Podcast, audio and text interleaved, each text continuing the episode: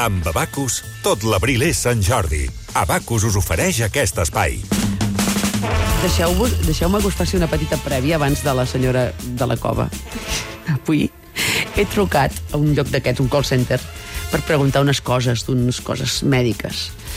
I, I això que et fan dir el número de, de carnet. Sí. No? Llavors, diu, digui el carnet. I dius, 5, 2... Llavors la, la, la màquina et diu, ha dit vostè 3, 4, i diu, no! I et poses nerviosa, 5, 2, 7! Llavors, ha dit vostè 4, 3, 2, i diu, no! 5! I llavors, quan estava dient 5, 2, s'hi ha posat el senyor, que era de València, i que es deia Pere, partint-se de riure.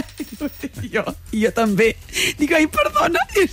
I a més a més em anava dient, és que la trucada s'està gravant. I jo, per, perdona, perdona. I ens hem mort de riure. Durant molta estona ens hem dit on, on vivíem, i jo, però plorant de riure per culpa de, clar, un senyor que està al call center i se sent 5, 4, 3... I aquesta és la prèvia 1, eh, i ara anem a la senyora de la cova. He pensat, va, posa aquesta cançó del Nick Cave, perquè com que es diu Cave, doncs posem el Nick Cave, que es diu God is in the House, que això ja sabeu, totes les persones que heu quedat amb algú altre i heu arribat abans d'hora, que quan sou al lloc i l'altra persona no ha arribat, heu d'enviar un WhatsApp que diu God is in the house, però escrit malament. Heu d'escriure God is in the A i llavors house. Heu heu d'escriure God is in the house per dir jo ja he arribat i tu no, capollot. I aquesta és la qüestió. I és una cançó preciosa del Nick Cave God is in the i ens porta, en aquest dia tan lluminós avui, tan bonic, tan ple de sol, a una dona, que ho he explicat, ha passat 500 dies en una cova sense contacte amb l'exterior, que es diu Beatriz Flamini, i que és esportista d'elit. I ella troba que el repte ha estat insuperable, però la qüestió és, l'havia d'explicar, el repte aquest? És, és a dir, 500 dies en una cova mm, no és escorbut, però és igual, això. Um, diu, si veo que me estoy quedando muy delgada, eh, pues, ya, pues, pues como, a mi això no em passarà.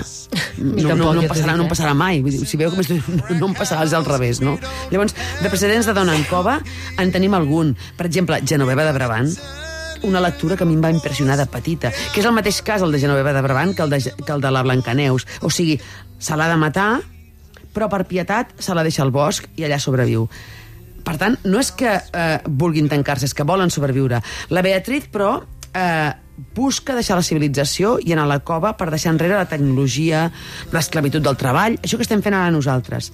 Però, sortir de la cova, en canvi, seria deixar enrere la foscor i abraçar el coneixement.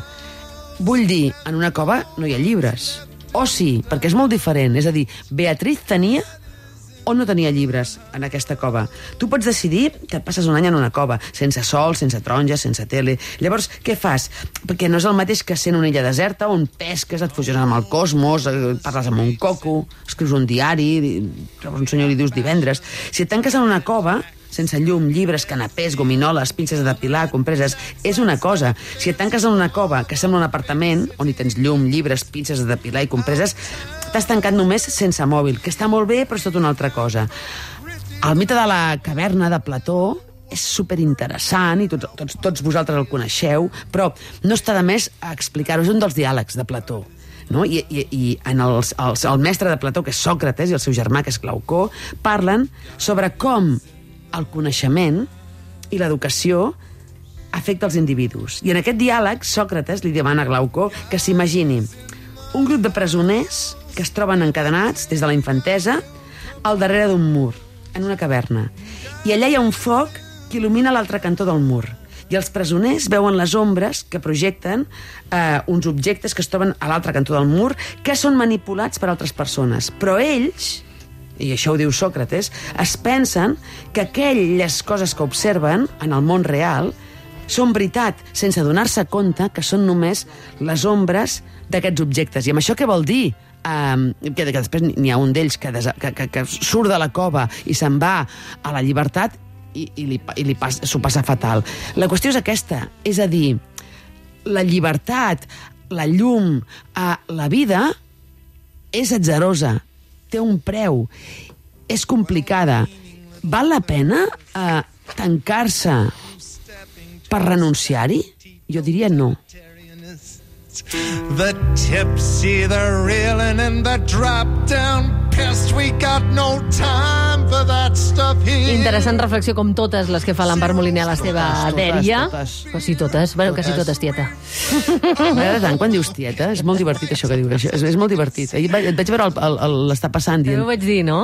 Trobo, trobo que és una marca molt teva. Tiet, tieta. Sí. Això és molt enganxat en Pau, eh? Ho diu molt. En Pau diu. En Pau diu Però és, molt. És, a la I els Cerdà de, també. deia nenes fadrines no us quedéssiu pas, no? És a dir, tiet és com tiet. i, Els no, i a més és, és molt català, perquè, perquè és a dir, tieta, Sí, en sí, part per sí. encerrat, és molt català, no? Dir tieta... És bonic, tot, eh? És tot un, un univers, i llavors això és bonic, sí. I a més també tinc una mica la sensació que reprenem universos del passat, que està molt bé retre els homenatges així.